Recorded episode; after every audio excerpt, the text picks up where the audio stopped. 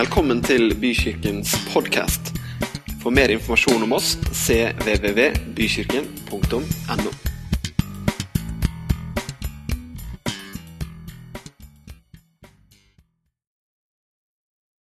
Denne spiraltrappa har du gått forbi i dag.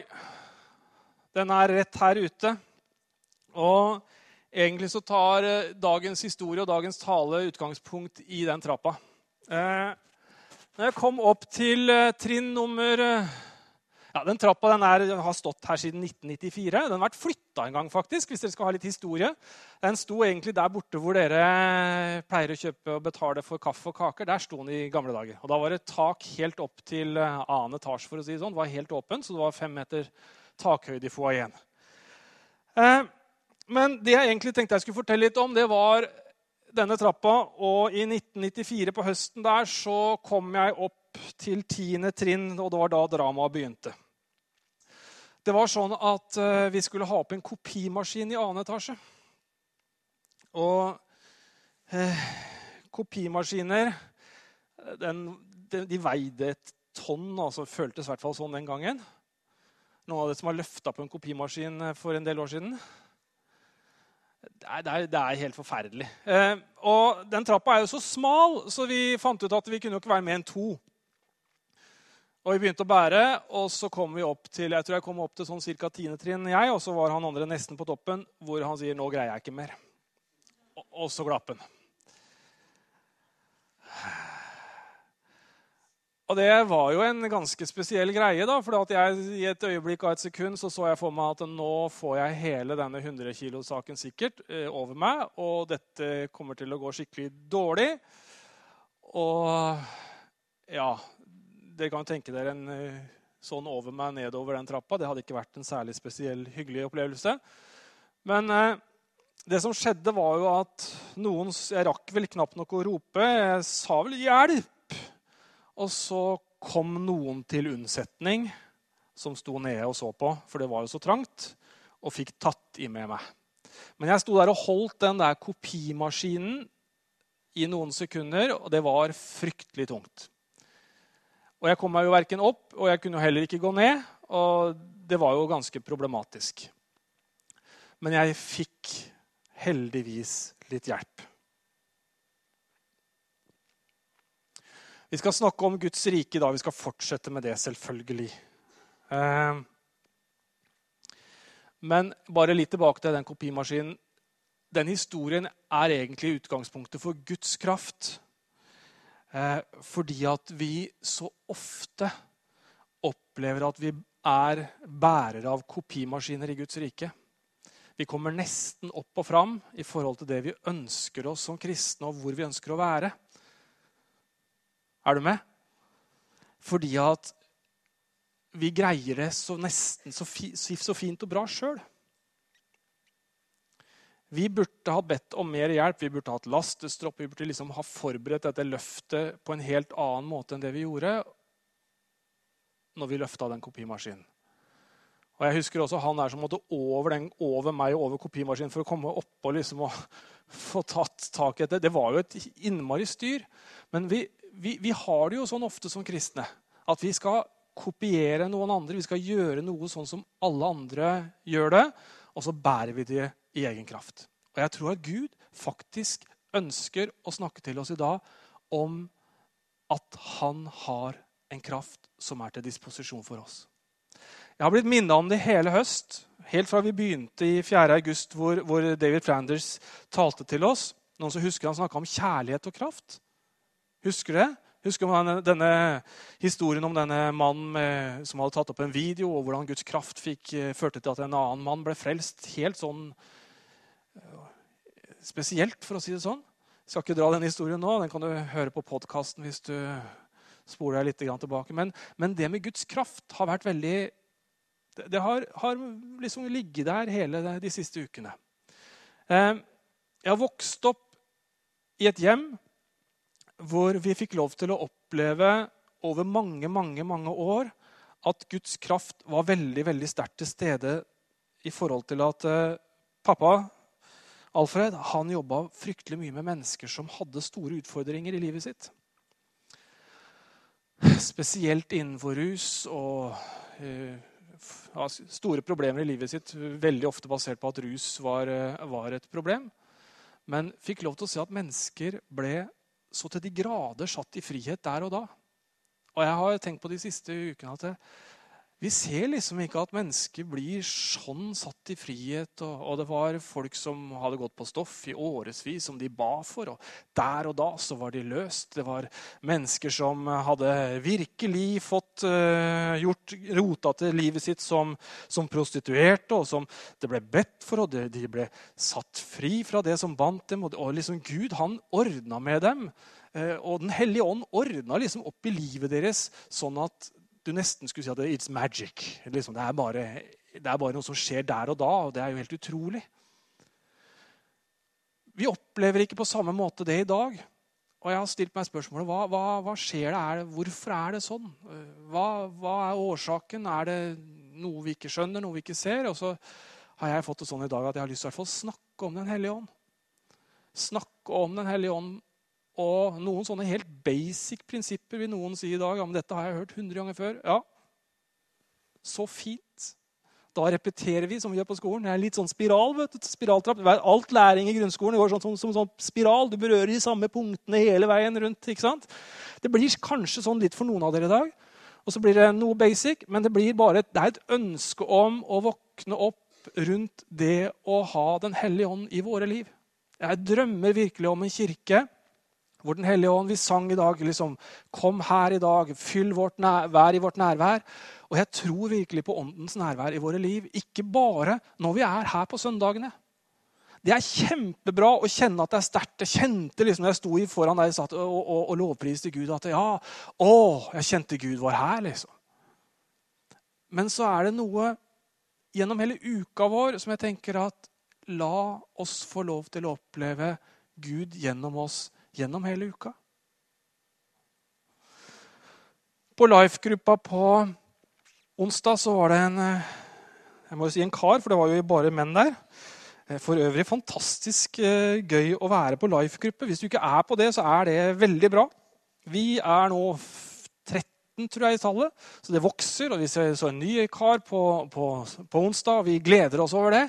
Og bli med på life-gruppe, dere, hvis dere ikke er det. Men i hvert fall der så deler vi litt liv. Og på onsdag så forteller en kar der om mandag denne uka så var det en dame i familien som hadde noen ordentlig fæle føflekker på armen. Som så skikkelig lumske ut. Og de var sånn, holdt på å si, når de slo opp på nett og alt som kan leses om sånne ting, så, så, så lyste det virkelig noen varsellamper. Eh, hun skulle til legen på tirsdag med dette, men da sier kona der i gården at eh, vi får be for det. Og når de ber for henne, så, så kan de ikke se noe der og da, men eh, når hun seinere drar opp genserermet, så er disse to føflekkene helt borte. Og det er litt sånn Ja, det er jo bare to føflekker. Ja, bare to føflekker. Men det skjedde i hvert fall noe når hun ble bedt for. Det er litt sånn dagligliv og daglig hellig ånd, tenker jeg. liksom. Jeg syns det er kjempespennende. At vi, vi, vi kan, kan, få lov til å eh, løfte fram og hva skal du si, heie på at Den hellige ånd er sammen med oss i det daglige. Jeg har ikke tenkt til å, å, mase på deg og prøve å skape dårlig samvittighet hos deg. eller noen verdens ting.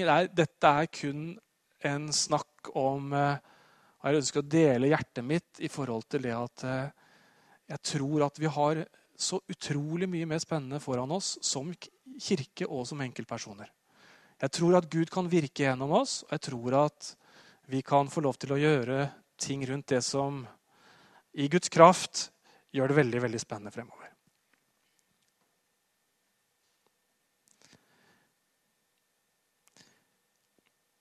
Jeg har lyst til å lese fra apostlenes gjerninger 4.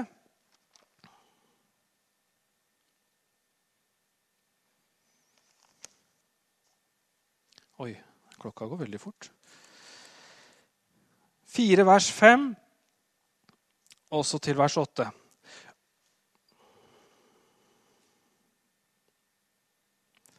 Det er bare hovedverset. Og i Jerusalem samlet de seg dagen etter, dagen etter. Deres rådsherrer, eldste og skriftleide, sammen med øversteprestene Annas, Kaifas, Johannes og Aleksander, og så mange som var av øversteprestlig slekt. Og da de hadde stilt dem midt mellom seg, spurte de, ved hvilken kraft eller ved hvilket navn har dere gjort dette? Da sa Peter til dem, fylt av Den hellige ånd. Jeg har tenkt at eh, her var Peter og Johannes de var henta inn fordi det ble så mye bråk fordi at eh, mennesket ble frelst. Og så lurte de seg fælt på hva som egentlig var i gjære. Eh, de var oppbrakt over at de forkynte at Jesus var stått opp.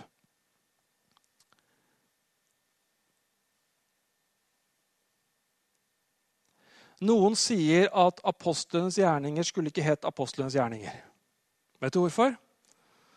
For at den snakker så veldig veldig mye om Den hellige ånd. Noen sier at den burde egentlig hett Den hellige ånds gjerninger. Vi ser at uh, gjennom hele apostlenes gjerninger, som vi jo bare må fortsatt kalle det, så, så, så er Den hellige ånd helt, helt, helt essensielt til stede i hvordan den første menighet begynte å virke og være. 57 ganger hvis du begynner å telle. Jeg har ikke telt, jeg har bare lest at det sies så. Eh, så jeg skal ikke ta kreditt for den. Men så ser vi at Den hellige ånd leda mennesker til å gjøre ting helt individuelt. Du ser Philip og Hoffmann, du ser Paulus, hvordan han ble leda. Vi ser Peter, vi ser Sakkeus, nei, Stefanus fylt av Den hellige ånd når han delte ut og gjorde praktiske ting. Vi ser at Den hellige ånd var veldig veldig sterkt til stede i den første menighet. Og spørsmålet vi kanskje stiller oss er at ja, men det var jo den første menighet. Det var jo da det begynte, og det var da det virkelig var behov for åndens kraft. Ja, det var jo et enormt behov. Og hvis vi ser på hvordan den kristne tro utbredte seg på hvor kort tid, så er det helt fantastisk. Det er helt fantastisk hvordan det har utbredt seg over hele verden. Og i de første tida der så var det virkelig fart, for å si det sånn. Men det er jo ingenting i veien for å tro at vi fortsatt skal ha Den hellige ånd til stede også i vårt daglige liv. Når eh, Philip ble leda ut til denne etiopiske hoffmannen, så, så, så var jo ikke, det er jo ingenting i veien for at ikke du skal kunne bli leda. Jeg hørte en historie her eh, for noen, ja, det er et par år siden om en mann som fikk beskjed om at han skulle reise opp til Rema 1000 oppe på Teie. For der ville han treffe noen som trengte penger til mat. Og den som fortalte meg dette, han fortalte at vi reiste til Rema 1000. Vi visste at vi ikke hadde penger, men vi begynte å fylle matkurven. For vi fikk det sånn at vi skulle reise dit opp. Og så, etter å ha fylt matkurven sånn halvfull, så begynte troen å bli litt dårlig. Jeg ventet liksom, og tenkte dette her, det er jo litt, dette er litt vanskelig. Og inn kommer denne mannen, og så sier han hei. Og de kjente jo den mannen og sier, 'Hei, hva gjør du her?' 'Nei, Den hellige ånd har sagt til meg at jeg skal komme her og gi dere 500 kroner.' Og de sa, 'Ja, men wow, det har jo vi bedt om, at vi skulle få handla inn for 500 kroner her.' Det er jo veldig sånn enkelt, men Gud kan bruke deg i helt enkle ting. Høres ikke spennende ut? Vi tenker jo ofte at denne hellige åndskraften den er for de som står på ei plattform, som har en spesiell jobb innenfor kirke, som jobber i en misjonsorganisasjon, som eh, driver med ting som har med Gud å gjøre. Ofte. Det er jo liksom der vi ofte er. De trenger spesiell kraft. Men jeg har hengt meg veldig opp i det hvor det står liv og tjeneste. Altså i det daglige livet at vi får lov til å være der å se og oppleve at vi faktisk trenger Den hellige ånd i vårt daglige liv. Jeg må si at jeg trenger Den hellige ånd hver dag. Fordi at jeg greier ikke å løfte min kopimaskin de siste skritta eller de siste trappetrinnene opp hver dag for å kunne være den jeg tror at Gud ønsker at jeg skal være. Er dere med? Veldig ofte så holder vi på en Vi står i den trappa og har den kopimaskinen og venter og ønsker så inderlig å få hjelp. Men, og vi trenger ekstra krefter. Og da er det fantastisk at Den hellige ånd er til for hver og en av oss i vårt daglige liv. Jesus han sier jo det. Kom til meg, dere som har tungt å bære, og jeg vil gi dere hvile. Det er en erkjennelse på at vi i vårt daglige liv faktisk Jesus sier også 'ta opp ditt kors hver dag'. Liksom, er det noen motsetning? Da jeg skal ta opp korset og gi, legge fra meg det som er tungt å bære. Eh, liksom, det er kanskje litt vanskelig å forstå noen ganger, men, men, jeg tror at det korset blir veldig tungt å bære hvis vi ikke har Den hellige ånd. I Johannes 15, vers 6 tror jeg det er, så sier jo Jesus om at eh, han sender oss talsmannen Den hellige ånd. Fordi at vi Han ser jo det at vi trenger hjelp. Vi trenger noen som kan hjelpe oss i å løfte, i å bære. Og da har han gjort en veldig bra forordning for oss. Så Den hellige ånd er forbeholdt alle som er troende. Er det bra? Det er tre punkt, så du kan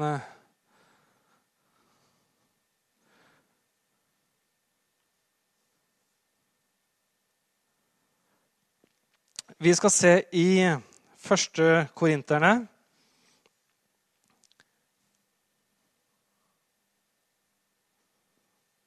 En, vers 18-24. Hvor mange av dere kjenner til Korint som by? Noen av dere som har vært her? Ingen? Jeg har heller ikke vært der, så jeg kan ikke si så mye annet enn det jeg leser. Eh, Korint på den tida som eh, Paulus skriver denne, dette brevet, det er, dette brevet er et ganske annerledes brev enn de andre. Det, det er liksom en nesten gråtende Paulus, en fortvila Paulus, fordi han har planta en kirke i en by på ca. 700 000 mennesker. Altså det er større enn Oslo i dag, denne byen. Eh, den er eh, et knutepunkt. Er bare, det er bare Roma som er større i, i Romerriket. Den er et knutepunkt for all handel, all, uh, alt som skjer. Uh, det er handelsruter, det er uh, masse mennesker fra ulike deler av verden. den er vel på mange måter betegna som vår tids Las Vegas. Altså Det er full rulle døgnet rundt. De regna med at det var ca. 1000 prostituerte i byen på den tida. Det var liksom skikkelig trøkk der. Og når Paulus planta en kirke i Korint, så var det et veldig, veldig stort bevis på at eh, Guds ånd, Guds kraft, kunne virkelig gjøre noe i menneskers liv på et sted hvor det virkelig så elendig ut. Så Paulus skriver da helt i begynnelsen for, i, vers, eh, i kapittel 1, vers 18.: For ordet om korset er dårskap for dem som går fortapt, men for oss som blir frelst, er det Guds kraft. Og I vers 24 så fortsetter han, men for dem som er kalt, både jøder og grekere, er Kristus Guds kraft og Guds visdom. Altså, troen på Jesus, Den hellige ånd, i våre liv, det er det som gir kraft og visdom.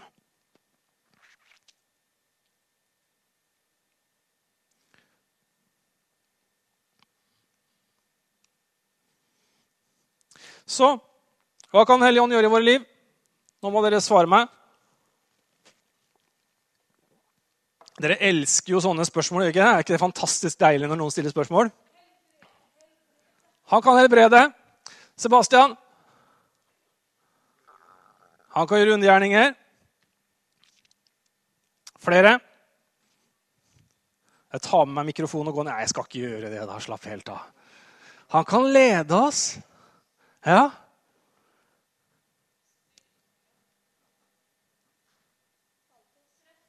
Trøste, tale til oss.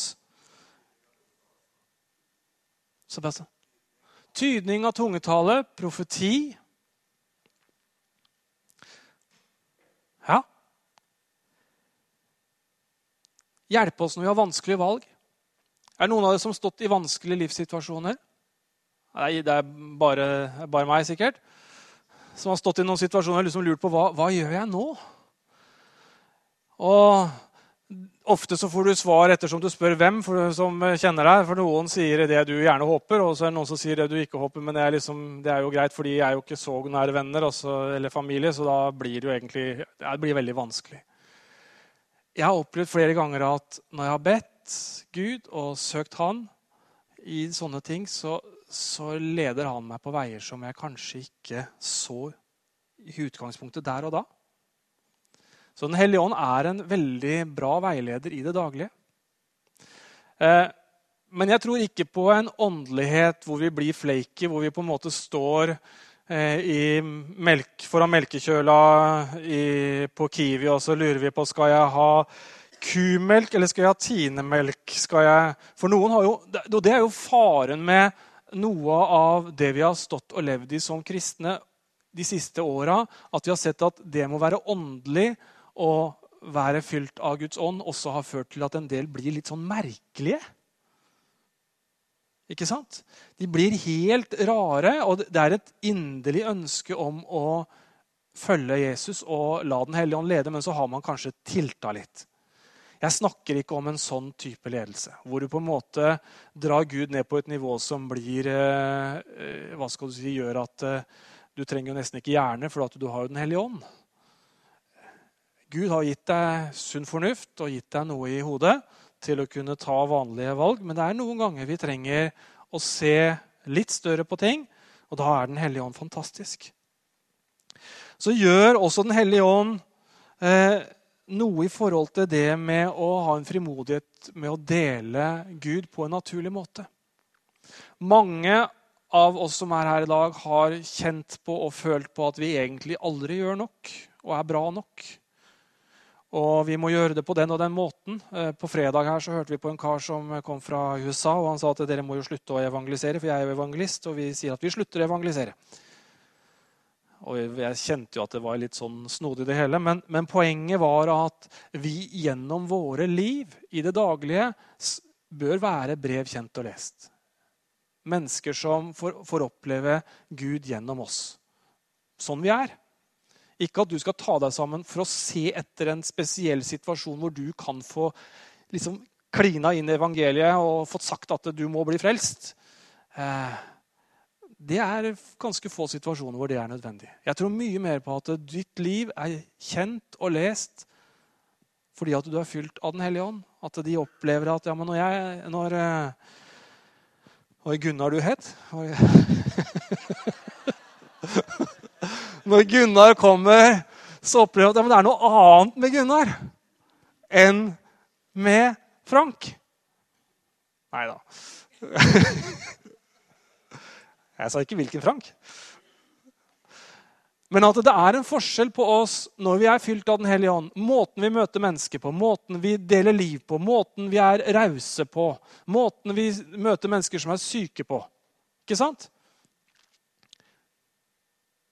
Og Det er veldig spennende å se på hvordan Jesus var. For han var fylt av Den hellige ånd. Han var en veldig bra kar. Og jeg tror at Den hellige ånd kan gjøre Sånn som Jesus sier, det samme som jeg har gjort, kan også dere gjøre.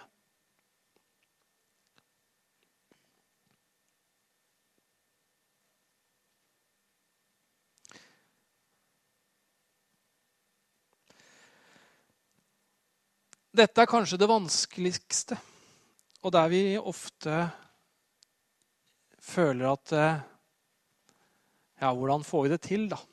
Når jeg var i ganske liten gutt, så husker jeg det var veldig sånn søke Hellig ånd-møter. Noen som har vært på det? Ja, Veldig sånn søke Hellig ånd. vet Og det, det, var et sånn inderlighet i forhold til det, et ønske om å oppleve Den hellige ånd nært og over vårt liv. Og i pinsesammenheng så var jo tungetale det eneste sanne tegn på at du var åndsdøpt. Jeg tror på tungetale, og jeg tror at det er en veldig bra del av vårt gudsliv og vårt åndsliv. Men jeg sier ikke at du må ha tungene for at Den hellige ånd skal kunne lede deg. For når du har tatt imot Jesus som din frelser, så har Guds ånd flytta inn i deg.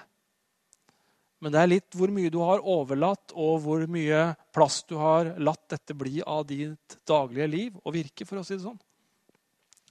Men Den hellige ånd tror jeg du vil oppleve veldig sterkt når du begynner å lese Guds ord. For jeg tror at når du begynner å lese Guds ord, så, og du ber om at Guds ord skal åpenbares ved Den hellige ånd, så vil det skje noe i livet ditt. Da vil du kunne lese Bibelen på en annen måte enn tidligere.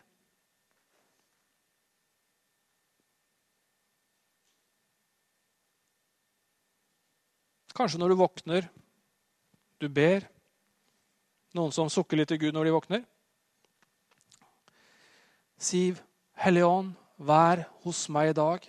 Hjelp meg så jeg ikke bærer min kopimaskin, men får lov til å gå over den og komme på toppen av trappa og gå med deg på en god og naturlig måte. Hører med til historien at nesten når de kom og skulle installere en ny kopimaskin hos oss, så løfta jeg ikke en ny kopimaskin opp. Da sa jeg at dere må bære den opp.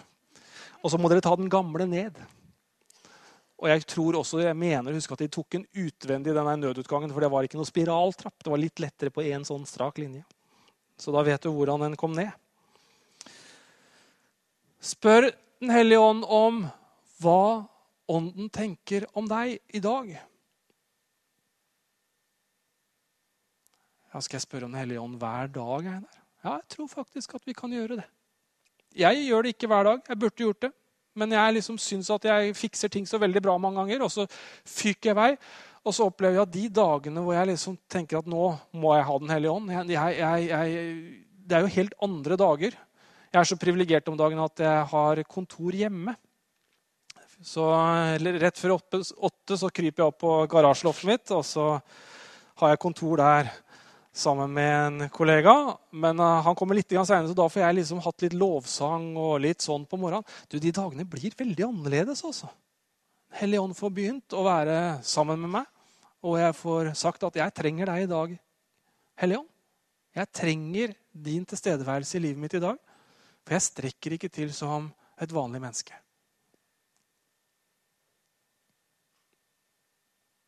Og Så kan vi jo møte Den hellige ånd ved at noen legger hendene på deg. Og jeg tror veldig på håndspåleggelse. Jeg tror veldig at man skal praktisere det også. Så det er mange måter, men det er ett budskap i dag.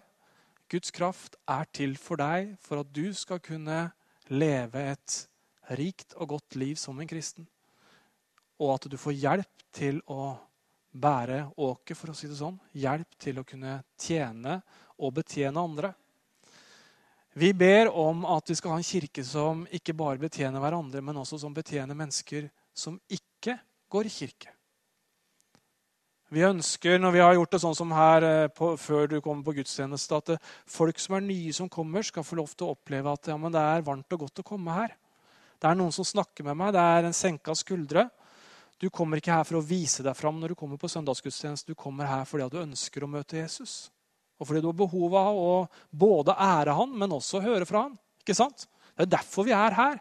Vi er ikke her for å vise fram eh, eh holdt på å si, hvor fint og flott alt er. Det er jo ikke derfor du kommer. Vi er her fordi at vi trenger Jesus. Vi er her fordi at han ønsker å gi oss noe.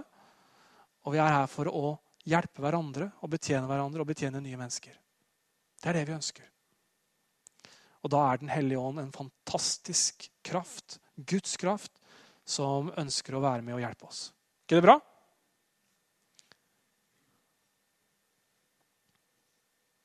Guds rike delt på denne jord ved hjelp av Den hellige ånd. Skal vi reise oss?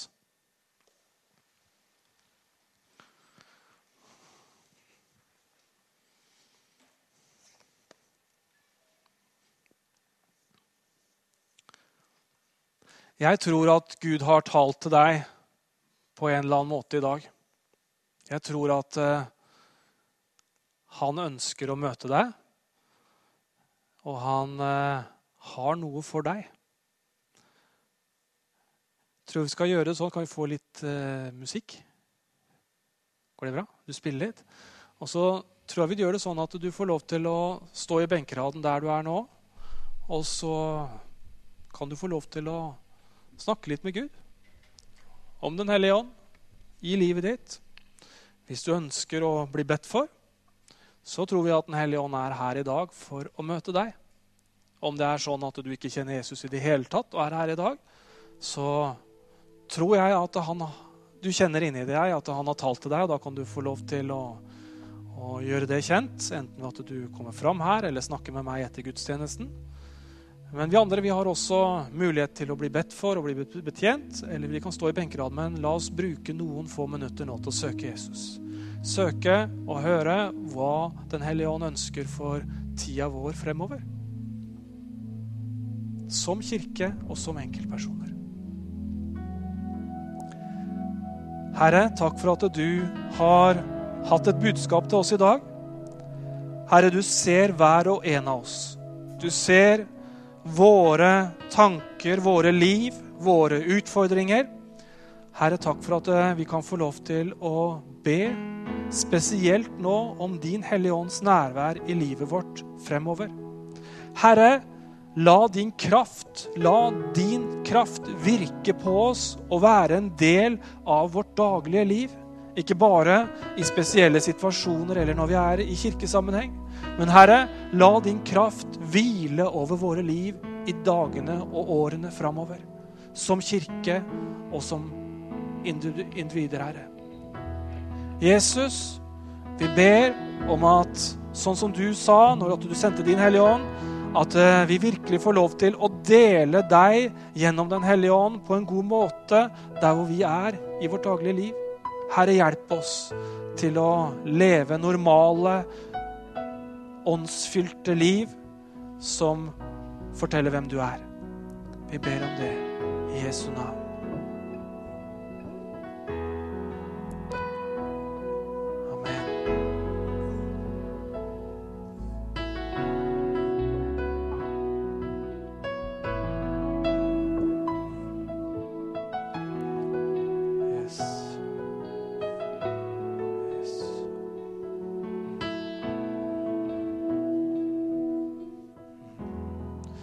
Tror du er her som uh, føler at dette har jeg prøvd før.